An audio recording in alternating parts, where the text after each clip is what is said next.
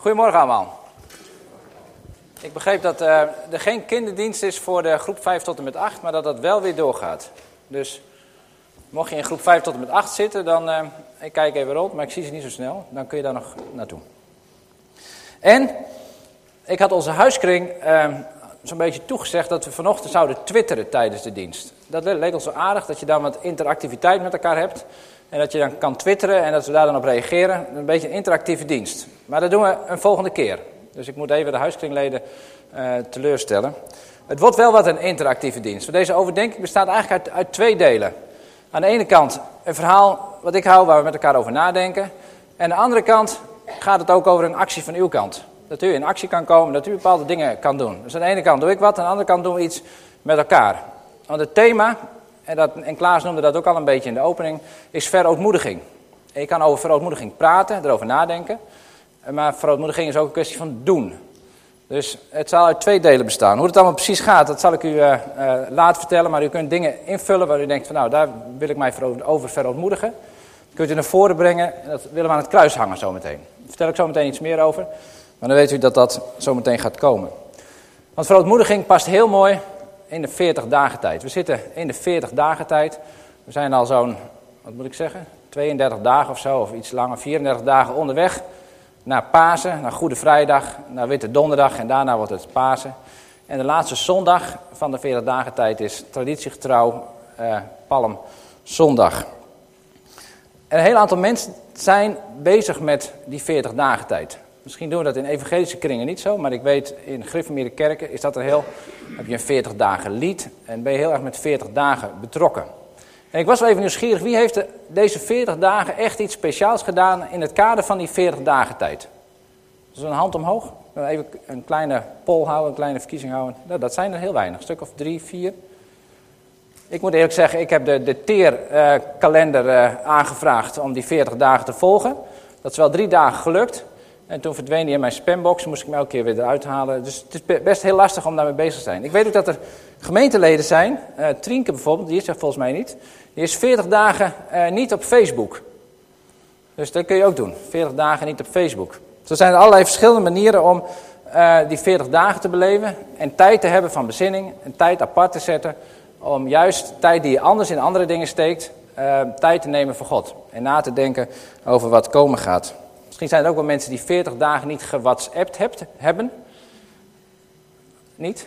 Kan je ook doen. Zo kun je heel veel verschillende soorten uh, manieren hebben om toe te leven naar, uh, naar Pasen. En tra traditiegetrouw is het de vastentijd natuurlijk. Dat je minder gaat eten of dat je uh, heel weinig juist gaat eten.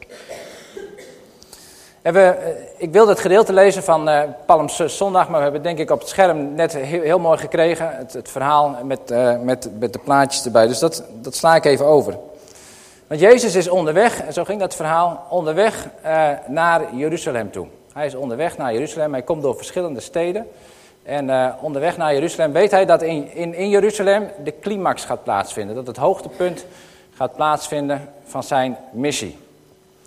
En allerlei mensen om hem heen, die denken inderdaad, in Jeruzalem gaat het gebeuren. Die hebben ook een climax in hun hoofd. Een hele andere climax dan Jezus, want de climax van Jezus is dat hij gaat sterven en dat zijn opstanding komt. Maar een heleboel mensen om hem heen die denken, Jezus, dat is mooi, die wordt koning.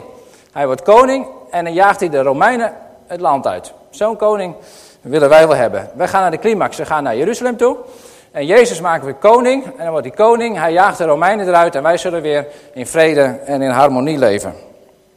Wij weten achteraf dat het niet zo heel slim is om dat te gaan bedenken. Maar ik dacht, stel je nou eens voor dat, uh, dat, dat niet dit het plaatje was. Maar hoe zou het eruit hebben gezien als Jezus in deze tijd was gekomen? In 2014. Hoe zou die Palmzondag in 2014 er hebben uitgezien? Jezus die over deze wereld gaat misschien dan, hè, dan is hij misschien niet gebonden aan Jeruzalem, maar dan kan hij heel makkelijk over, over de wereld gaan. Hij geneest mensen, hij, uh, hij, hij, houdt hele mooie preken, CNN erop af, uh, NOS-journaal erop af, breaking news. Jezus heeft 5000 mensen te eten gegeven, dat komt wel in beeld, mensen vinden dat geweldig. En dan horen ze op een gegeven moment dat hij onderweg is naar, naar Den Haag, naar Den Haag. Waar de, de, de G7 of misschien wel de G8, de G7-top gehouden gaat worden. En hoe gaan wij dan om met, met helden? Nou, eens even kijken. Ik heb daar een paar plaatjes van. Dat had u net al even gezien misschien. Ehm, daar komt de, een heerser aan. De Palmzondag. Hoe zouden wij het ongeveer organiseren? Nou, uh, we zouden alle wegen afzetten. We zouden ons uh, zorgen dat, dat hij Den Haag gaat halen. En dat het allemaal goed komt. We zullen alle veiligheidsmaatregelen nemen. Zodat Palmzondag hij kan komen om, uh, zijn, om, nou, om zijn werk te gaan doen. Nou, hier nog zo'n plaatje. En je weet natuurlijk wel dat dit over Obama gaat. En die vergelijk ik echt niet met Jezus. Maar het gaat mij even om hoe Palmzondag er bij ons zou kunnen uitzien. En dit vond ik ook een hele mooie. De A44, je wil niet weten hoe druk het daar is uh, op maandagochtend. Maar we kunnen het zo met elkaar organiseren dat die weg leeg is. Dat op elke brug een agent staat of een militair. Zodat niemand, ook maar helemaal niemand, onze grote held uh, kan, kan, kan ontvangen. En uh, verkeerde dingen kan gaan doen. En dan komt hij dan aan. In zijn grote auto in zijn grote auto. En we staan er allemaal, net als Palmzondag, Hosanna te zingen met onze cameraatjes het allemaal te volgen. Want nu gaat het gebeuren. Hij gaat naar de grote helden en hij zal het allemaal gaan regelen. En daar komt hij dan. En dit vond ik wel heel mooi toen ik het hoorde. Het is de beest en hij kwam inderdaad, de ezel van 2014. En zo ging hij, uh, ging Obama naar Den Haag toe, naar de G7. En wij, dat is onze grote held. Samen met al die andere grote helden, wat willen we? We willen zo graag dat hij het terrorisme eruit gooit. Nou, dat ging toen over het terrorisme, over de nucleaire onveiligheid. Maar als die, al die kennis en als al die kunde en als al die eh, materialen bij terroristen in de hand komt, dan gaat het echt helemaal fout. En deze mensen hebben erover nagedacht en die hebben de wereld een stukje veiliger proberen te maken. Ze hebben het ook nog over Poetin gehad. Want wat Poetin van plan is, is natuurlijk helemaal niet mooi. Schrikbarend. Dan denk ik, oh jongens, komt dit straks allemaal wel goed? En uh, uh, nou, ik had het ook wel geweten hoor. Als, als, als Palmzondag vandaag was in 2014, dan had ik daar ook aan de kant gestaan. Dan had ik Jezus ook zo binnengehaald. En als niemand het had georganiseerd, dan had ik het georganiseerd. Want zo wil ik Jezus ook wel hebben. Jezus die komt om de ellende de wereld uit te halen. Om uh, Poetin een stapje terug te krijgen. Om mensen met die hoge salarissen, om die ook even de waarheid te vertellen. Zodat die wel wat minder gaan verdienen. En dat de mensen die het veel minder hebben in deze wereld, die het een stuk beter hebben. Zo Jezus wil ik ook wel. En dat is wel de climax die ik zou willen hebben. Als het vandaag Palmzondag zou zijn, als Jezus vandaag zou komen. Dan had ik dat ook wel in mijn hoofd. Terugkijkend op Palmzondag zoveel jaar geleden, toen het echt Palmzondag was. Dan denk je, het is wel een beetje dom, want die mensen hadden wel beter kunnen weten. Maar ik denk, als het in deze tijd hadden gestaan, had ik erbij gestaan. Dan had ik erbij willen zijn. Want als Jezus op die manier binnenkomt, als Jezus zo, zo krachtig iemand is, de Zoon van God is, dan had ik wel een boodschap voor hem van verlos ons van al die ellende om ons heen dan had ik het initiatief wel genomen en dan was, had ik daar ook staan met mijn palmtakken of met mijn palmtop of hoe, dan, hoe je het ook allemaal wil gaan noemen. Maar wij weten dat dat niet de missie van Jezus was. De missie van Jezus was niet om, uh, om, om het volk Israël van de Romeinen te verlossen. Daar is Jezus niet voor gekomen. Terwijl dat volk Israël dat wel zo heel graag wilde. Ik wil een stukje met u lezen uit Matthäus 21. En dat is een gedeelte wat vlak staat, direct staat na uh, de intocht. Het is misschien nog wel een deel van de intocht. Matthäus 21. En het eerste stukje is de intocht van Jeruzalem. En dat verhaal hebben we net gehoord. En toen dacht ik altijd, dan gaat hij naar dat, dat huis toe en dan gaat hij het avondmaal vieren. Maar voordat dat zover is, gebeurt er eerst nog wat anders. Matthäus 21, vers 10. Toen, heb je het?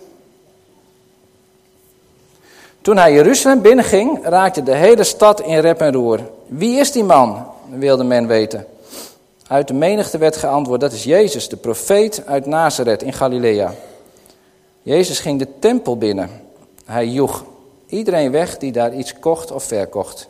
Gooide de tafels van de geldwisselaars en de stoelen van de duivenverkopers omver en riep hun toe, er staat geschreven, mijn huis moet een huis van gebed zijn, maar jullie maken er een rovershol van. Tot zover. Jezus wordt als een held binnengehaald en de mensen denken, nu gaat hij de Romeinen het land uitkrijgen. En waar gaat Jezus naartoe? Hij gaat niet naar Pilatus toe. Hij gaat niet naar de lokale Romeinse overheersers om daar een barricade op te werpen, om daar de mensen uit het land te gooien en tegen Pilatus te zeggen, en nu het land uit. Of hij gaat ook niet door naar, naar Rome, naar de keizer, om die het land uit te gooien. Wat Jezus gaat doen, Hij gaat naar zijn eigen volk, hij gaat naar zijn eigen mensen, hij gaat naar de tempel. Want de missie van Jezus was niet om de Romeinen eruit te knikken, om anderen eruit te knikken, maar hij kwam bij zijn eigen volk, hij kwam bij zijn eigen mensen. Lucas 19, vers 10 staat, want de mensenzoon is niet gekomen, zeg ik verkeerd, want de mensenzoon is gekomen om het verlorene te zoeken en te redden. In Marcus 10, vers 45 staat, want ook de mensenzoon is niet gekomen om gediend te worden. Hij is niet gekomen om te heersen, maar hij is om te komen, om te komen om te dienen en zijn leven te geven als losprijs voor velen. Jezus is niet gekomen om te heersen, zoals uh, nou ja, deze Palmzondag misschien een beetje doet, denk ik, ik zal het plaatje weghalen. Uh, maar hij is gekomen om, om te dienen. Hij is niet gekomen om ons te verlossen van allemaal Romeinen of van wat voor mensen die ons het leven zuur maken. Nee, hij is niet gekomen om allerlei omstandigheden om ons heen weg te halen. En mensen die ons het leven moeilijk maken op je werk of thuis of waar dan ook. Daarvoor is hij niet gekomen. Hij is gekomen voor, voor mij. Die weg die ging niet naar de ander toe. Maar de weg die hij ging, die weg die ging naar mij. Naar mijn heiligdom, naar mijn tempel, naar mijn hart. En daar lagen nog allerlei brokstukken. En daar lagen nog allerlei troep. Want voordat Jezus bij die tempel kon komen, voordat Jezus bij mijn hart kan komen, bij de plek waar ik de baas ben, de plek waar ik God wil vereren, de plek waar, wat centraal bij mij staat, wat komt Jezus daar tegen? Hij komt er rommel tegen, hij komt de troep tegen, hij komt er handelaren tegen, hij komt er allemaal ellende tegen. En terwijl het volk misschien nog het Hosanna zit te zingen, staat hij op een hele andere plek dan dat het volk had verwacht. Dan staat hij bij jou en bij mij voor de deur en ziet hij de rotzooi liggen. Hij komt op een plek waarvan ik niet had verwacht dat hij zou komen. Hij komt niet op de plek die ik had effen gemaakt, die ik ruim had gemaakt. Van Heer, als u dat voor mij doet, dan komt het helemaal goed. Nee, hij komt bij mij, binnen bij mij, voor de deur, waar ik met mijn rommel sta. En schrikt hij van die rommel in mijn leven? Schrikt hij daarvan? Ik zeg denk ik niet. Hij wist het al lang. Hij wist wel waar hij naartoe ging. En sterker nog dacht ik, toen hij geboren werd met kerst, toen werd hij ook in de rommel geboren. In de stal, waar de rotzooi was, waar de shit was, waar, de, waar het stonk. Dus Jezus is wel wat gewend. En ik denk als we nu zo richting Goede Vrijdag gaan, richting uh, Witte Donderdag en daarna ook het Pasen, dan is het tijd om te bezinnen. Dan is het tijd om na te denken uh, van waar ben ik mee bezig. Want Jezus komt, komt bij mij. Hij komt niet bij de ander, maar hij komt bij mij. En dan wordt het heel concreet. Dan gaat het niet over mijn buurman, dan gaat het niet over mijn buurvrouw, maar dan gaat het over mij. Over de dingen die in mijn leven scheef zijn, over de dingen uh, die krom zijn, de rotzooi in mijn leven. En Jezus zegt, ik ben niet gekomen om te heersen, maar ik ben gekomen om te dienen. Ik ben gekomen om te dienen, om te dealen met de rotzooi in jouw leven. Ik moest ook even denken aan het verhaal van Zacchaeus. Toen was Jezus ook al onderweg naar Jeruzalem. En er stonden ook mensen aan de kant te schreeuwen van, ah, wat koning, het wordt geweldig. En dan zegt Jezus op een gegeven moment, en dan kijkt hij omhoog en zegt hij, vandaag moet ik bij jou zijn. En ik denk, nou, vandaag moet hij bij jou zijn. Vandaag moet hij niet bij de ander zijn, maar vandaag moet Jezus bij jou zijn. En dan zien we allerlei belemmeringen, allemaal rommel, allemaal toestanden in ons leven die dat het zo moeilijk maken. Jezus kon niet zo doorgaan naar de tempel, want er lag allemaal rommel wat hij moest opruimen. En als hij niet bij de ander komt, dan komt hij bij mij en dan moet ik kijken in mijn eigen leven. En dat vind ik best moeilijk. Ik vind het soms echt veel makkelijker om de ander de schuld te geven en te zeggen, nou, die, die, die. Maar als ik naar mezelf moet kijken, vind ik dat lastig. En dan, uh, uh, dan zie ik de brokstukken en dan heb ik het verlangen om het schoon te maken. En dan heb ik het verlangen om dingen weg te doen, zodat het weer helemaal rein gaat worden. Maar het is moeilijk om naar jezelf te kijken. Want er zijn 101, 1001 belemmeringen die in mijn leven kunnen spelen, die in jouw leven kunnen spelen. En ik weet het allemaal niet, wat er in jullie leven speelt. Maar het kan zomaar zo zijn dat er schuld is. Dat je dingen hebt gezegd, dingen hebt gedaan, uh, wat zwaar op je hart rust wat je meezult en waar je spijt van hebt en meer spijt van hebt, waar je berouw van hebt, waar je ellendig, eh, wat je ellende vindt en wat je goed wil maken, maar wat je misschien wel niet meer goed kan maken, omdat diegene niet meer is, omdat hij al weg is of omdat relaties al kapot zijn. Het kan zijn dat je geld hebt uitgegeven, veel te veel geld hebt uitgegeven omdat je veel te veel wilde hebben, omdat je hebberig was, omdat je gierig was en nu je kinderen tekort moet doen. Het kan zijn dat je dingen nagelaten hebt die je had willen doen, uh, waardoor je het nu niet meer goed kan maken. Allemaal dingen die ons, die Jezus belemmeren om in ons hart te komen en om daar op de troon te gaan zitten. Het kan ook zijn de dingen waar we zelf tekort in schieten. Waar je nog zo je best hebt gedaan om het voor elkaar te krijgen, maar waar het je bij de, hoe zeg je dat, bij de handen om afbreekt en het gewoon allemaal niet lukt. Belemmeringen die ons, Jezus weerhouden om bij ons binnen te komen. En het, tekortschieten van God bijvoorbeeld. Dat je als je in de dienst bent geweest, misschien dat je denkt, nu ga ik deze week weer Bijbel lezen. Nu ga ik deze week weer stille tijd uit. Nu ga ik deze week het allemaal weer doen. Uh, en uh, voordat het weet is de week om. En ben je tekort geschoten in het aanbidden van God. In het tekort geschoten in hem te eren en hem de plek te geven die je hem had willen geven. Terwijl je nog zo het verlangen hebt om God werkelijk te dienen. Kunnen er nog zoveel dingen fout zijn in ons leven en zoveel dingen kapot gaan. We hadden donderdagavond een, een bijeenkomst hier in de, in de kerk over het kinderwerk. En uh, die las een stukje voor, ik weet niet eens wie het geschreven heeft, maar die zei... Stel dat Jezus vandaag bij jou aan de deur zou komen. Onverwacht. En hij zou zomaar binnen willen komen. Lijkt een beetje Palmzondag bij de tempel. Wat zou je dan doen? Zou je dan snel nog het boekjes onder de kast trappen? Zou je snel de internetsite op iets anders zetten? Wat zou je doen? Zou je hem hartelijk kunnen ontvangen? Of zou je je tekortkomingen voelen? Of zou je het misschien denk ik nu ook wel allebei doen? En hartelijk ontvangen en zeggen, heer, het is me allemaal niet gelukt. Jezus is niet gekomen om de Romeinen het land uit te jagen. Jezus is niet gekomen om al die andere dingen om ons heen te veranderen. Maar Jezus is naar mij toegekomen. Hij is naar mijn hart toegekomen. En inderdaad, dan gaat het over hele concrete zaken in ons leven. Over hoe jij en hoe ik praten met elkaar over andere gemeenteleden. Over mensen op ons werk. Over hoe ons huwelijk ervoor staat. Uh, misschien lijkt het van de buitenkant wel heel mooi. Maar is het kommer en kwel als je thuis bent. Hoe het met ons gezin is. Misschien ziet het er wel hartstikke mooi uit hier in de kerk. Maar is thuis de spanning te snijden. Er zijn zoveel dingen kapot in ons leven. Uh, terwijl we het zo graag zo anders willen. Dingen die kapot zijn. En inderdaad, dan gaat het over kwesties die spelen. Die, waarvan we allemaal weten waar het over gaat. Maar ook over kwesties die we niet kennen. Die we verborgen houden. En die uh, we wegstoppen en we hopen dat de ander het niet ziet. Maar God die komt bij jou vandaag aan de deur en die zegt, ik wil bij jou naar binnen. Ik wil, ik wil die brokstukken wel opruimen.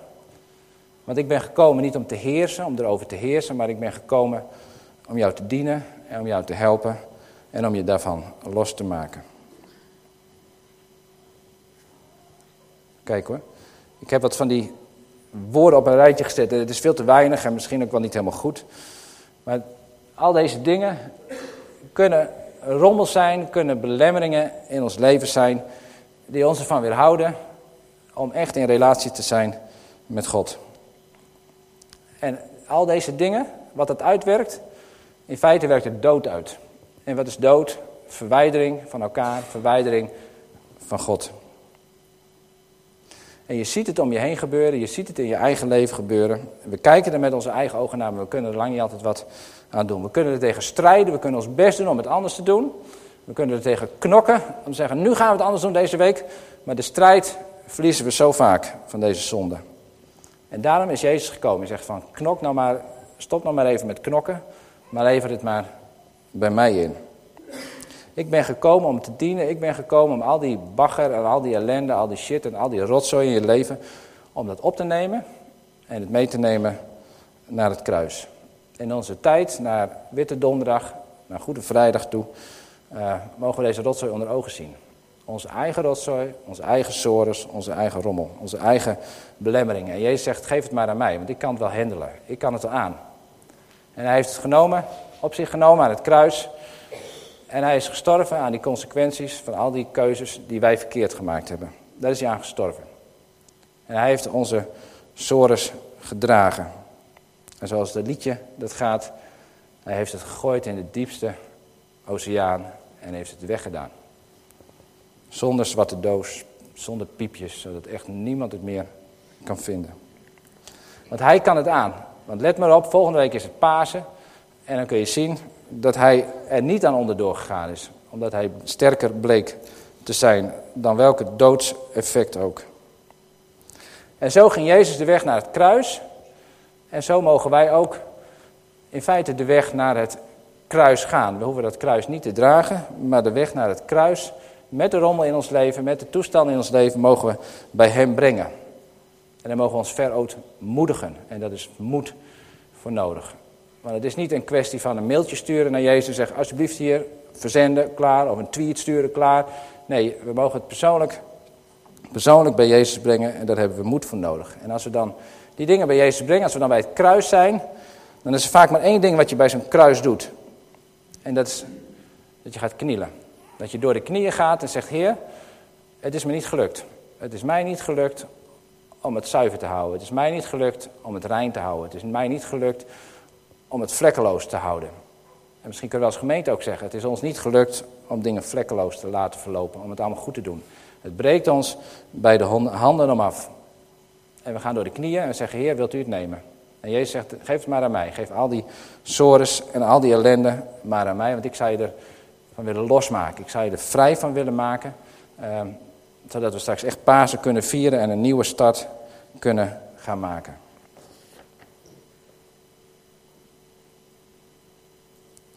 En zo komen we bij deel 2 uit. Dat ik beloofd, hè? Nu waren je nog mooi passief. Deel 2 is dat je zegt, oké, ik wil ook die rotzooi, ik wil die ellende, die ik onder ogen zie, die Jezus onder ogen ziet in mijn leven, wil ik bij het kruis brengen. En vooropgesteld, je moet helemaal niks. Dus als je naar achteraf zegt, Harry, je moet het voor mij, je moet helemaal niks. Het is jouw eigen keuze. De ander moet ook helemaal niks. Die naast je zit, die voor je zit, moet helemaal niks.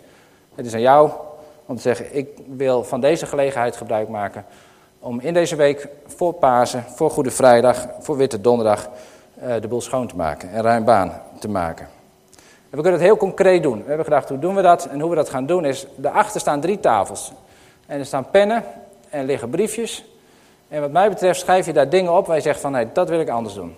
Daar wil ik mee breken, daar is de ellende in mijn leven, daar wil ik wat mee gaan doen. Dat schrijf je erop zonder je naam erop te zetten. Dus zonder je naam erop te zetten. En ook niet, je hoeft het ook niet voor een ander in te vullen met een andermans naam erop. Het gaat om jou, mag duidelijk zijn. Het gaat om jou, je schrijft jouw dingen erop. En dat breng je hier naar voren. Het is allemaal niet ingewikkeld. En misschien is daar wat moed voor nodig om naar voren te komen. Maar ja, vrijmoedigheid, nee, uh, verootmoedigen, uh, mag ook vrijmoedigheid bij komen om dat hierin te leveren. En ik heb Jan Merkers en uh, Rijn gevraagd om uh, dan hier de briefjes te pakken en het aan het kruis te plakken. We willen het ook letterlijk aan het kruis plakken. Dat al onze zonden, al onze problemen, al onze moeite, dat we dat aan het kruis plakken en zeggen, Heer Jezus, neemt u het maar. En met Goede Vrijdag gaat het er weer af en dan is het weg. En als er dinsdag hier een kinderprogramma is van hier tegenover, dan halen we tussendoor nog even weg. Dat heb ik nog niet gecheckt. Dus dat, dat, dat willen we dan vrijdag weer weghalen. Dus we willen zo meteen u de gelegenheid geven om daarmee aan de slag te gaan. Nogmaals, we bieden u de gelegenheid, het is aan u om daarmee aan de slag te gaan. Kijk maar wat Jezus, wat Gods geest in uw hart daarin bewerkt. Zullen we met elkaar bidden. Vader in de hemel, dank u wel dat we zo Palmzondag mogen vieren. Heer, dat u niet bent gekomen om te heersen, want dan waren wij ook uh, weggevaagd. Maar dat u gekomen bent om te dienen, om naast ons te staan in ons leven. Naast de, de in ons leven, de brokstukken in ons leven, de ellende in ons leven. Om het op te ruimen, om het schoon te maken, om ons rein te maken, Heer. Dank u wel dat we zo uh, de dingen bij u mogen brengen. Die ons pijn doen, de dingen die uh, ons dwars zitten. En dat u dat draagt, Heer Jezus, aan het kruis. Dat u dat op u genomen hebt dat u daaraan ten onder bent gegaan. Dat u daar gestorven bent. Heer, maar ook dat we volgende week paasfeest mogen vieren. Omdat u niet dood bent gebleven, maar dat u sterker was dan alle ellende waar wij tegen knokken, tegen vechten en waar we maar niet van kunnen winnen. Heer, en daarom willen we kijken naar u, naar wat u doet. Wat u ermee gaat doen, welke perspectieven u biedt. Het nieuwe leven dat u gaat bieden in ons, in ons bestaan, in ons leven. En we bidden dat u dat gaat uitwerken. In ons eigen leven, in het leven hier van de gemeente, in het leven hier van Drachten, van de mensen om ons heen, in onze gezinnen, in onze relaties, op het werk, op school. Dat u zo het nieuwe leven uitwerken, Heer. Dank u wel dat we op deze manier ruimte mogen maken. Heer, en zo uh, dank u daarvoor in Jezus' naam. Amen.